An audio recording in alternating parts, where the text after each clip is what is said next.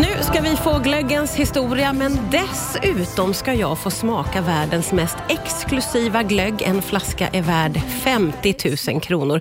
Dagens gäst är VD för Tegnér och Son och eh, Pontus Tegnér, välkommen hit. Tack så mycket. Du, eh, för det första så måste vi jag är otroligt självfokuserad på den här exklusiva glöggen, för det står en liten kopp upphälld till mig här. Men låt mig ta avstamp i det faktum att du ju är barnbarns barnbarn till Esaias Tegnér, som på 1800-talet alltså då, tog fram originalreceptet eh, som den här otroligt fina glöggen är baserad på. Eh, vad kan du berätta om den här superexklusiva glöggen, Pontus? Um. Nej men det här är en otroligt fin glögg och eh, jag vill inte börja här med att rätta dig, men eh, det här, just den här glöggen, receptet, är framtaget då tillsammans med Lars Torstensson och eh, Marie Skogström från Kocklandslaget. Ja. Så det, det, här är ju en, egentligen ett nytt recept. Eh, så våra vanliga glöggar finns i här originalreceptet som vi säljer. Men just det. Just här, för att förfina så har ni tagit det vidare. Vi har tagit det vidare och vi har tagit ett steg längre och, och tagit det till sin yttersta spets. Liksom. Och vad innebär det att ta en glögg till sin yttersta spets? Jo, men glögg är ju, det kommer ju från uppvärmt vin eller smaksatt vin och det har ju funnits eh, sedan eh, romartiden egentligen. Det finns ju historier om eh, Nero älskade det och sådär. Men glögg är ju vin framför allt och det ja. är socker och det är kryddor. Men här har vi då fokuserat ganska mycket på vinet och tagit ett av världens bästa viner. Det är ett Grand Cru från Bordeaux. Jag kan tyvärr inte säga exakt vilket det är. Nej, att, nej, eh, nej. Du vet, det skulle inte fransmännen gilla. Det ska vara lite hemligt också. Ja, mm, precis. Mm. Mm. Men det är otroligt fint vin, kanske ett av världens finaste. Och Sen har vi då använt oss av väldigt fina kryddor, bland annat saffran från Österlen. Oj, oj, oj. Som det... inte jag visste innan att det fanns faktiskt. Nej. Men det är klart det finns det. Ja. Det, är det okej okay om jag tar en liten sipp? Ta en sipp, här nu, jag. jag. För jag är så höra. himla nyfiken. Oj, och det har värmts på och det kommer en liten fin kopp. Och det är verkligen, alltså det är ju magiskt gott måste jag säga. Tycker du? Nej men det är jättegott. Det är ju väldigt liksom mustigt. Det är ju inte så här eh, sprittigt och så. Nej. Utan det är ju en mer liksom mustig eh, smak jag känner. Ja. Men jättefin.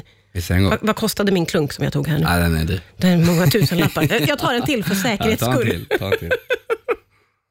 mm. Men gud. Men hur kom ni på att ni ville göra den här glöggen? Eh, nej men det har alltid varit en eh, tanke på att kunna göra glögg på otroligt bra vin. Det är ju, eh, vi har hållit på med glögg i 140 år och det har ju alltid funnits ett intresse kring vad, vad händer liksom om man tar glögg så här ja. långt som vi har gjort nu? Och ja.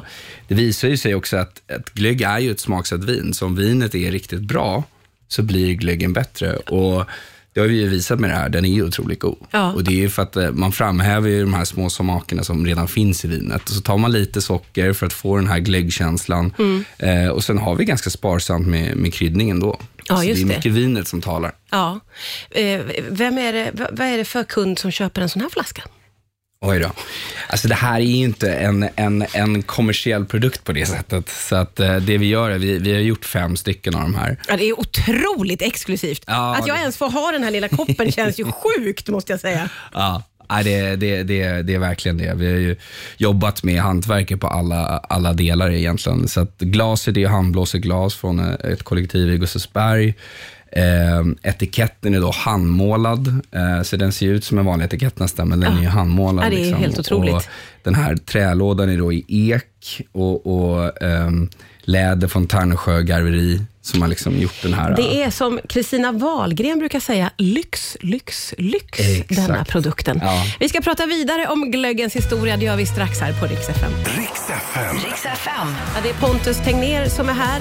Vi, eh, jag har ju fått smaka eh, den mest exklusiva glöggen som finns. En flaska är värd 50 000 kronor.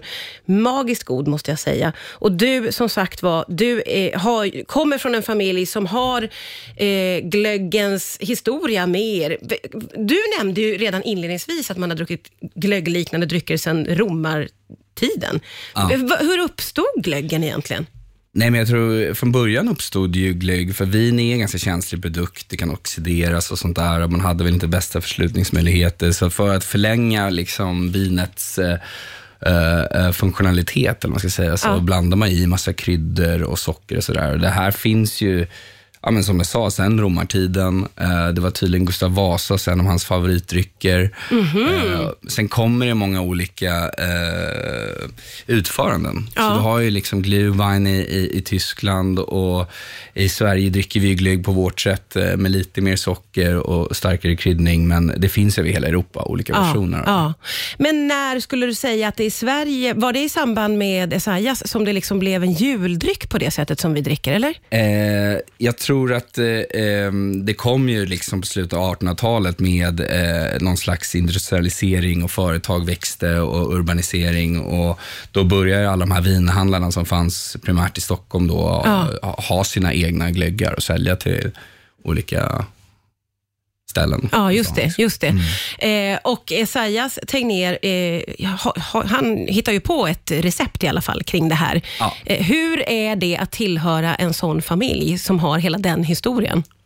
Nej, men det är otroligt kul och- det finns ju så mycket historia där och att fortsätta jobba i femte generationen med, med, med, med det i bakgrunden är otroligt kul. Ja. Eh, vi har ju så gamla bilder från, de hade en vinbutik då i, på Kungsgatan, Drottninggatan, där de sålde glögg och andra drycker och vin från hela världen. Ja.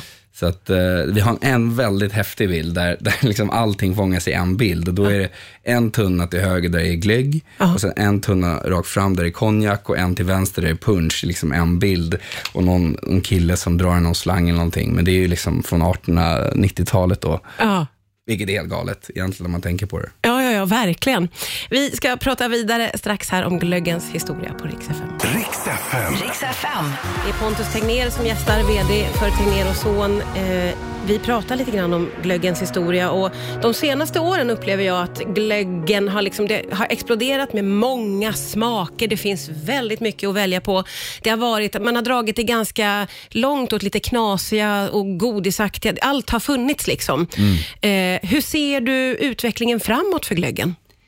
Nej, men jag tror, vi hade ju en våg där som du sa med många konstiga smaker och hit och dit. Och jag tror liksom, nu har man väl dialat tillbaka det där lite och är intresserad av vad glögg är. Och eh, det är ju som jag sa, liksom, det är ju gjort på, på vin. Så att du har ju en premiumisering inom glöggsegmentet. Du ser många leverantörer börja göra här lite lyxglögg eller finare glögg eh, på, gjort på, på bra viner helt enkelt. Så där tror jag att vi kommer gå mera och du kommer introducera kanske eh, mer med sprit kanske och lite sånt där med konjak och sånt. Eh, men jag tror den här eh, lite knasvågen med, med polkagrismak och jag vet inte vad som hände där ganska mycket. Det, Du älskade inte den vågen.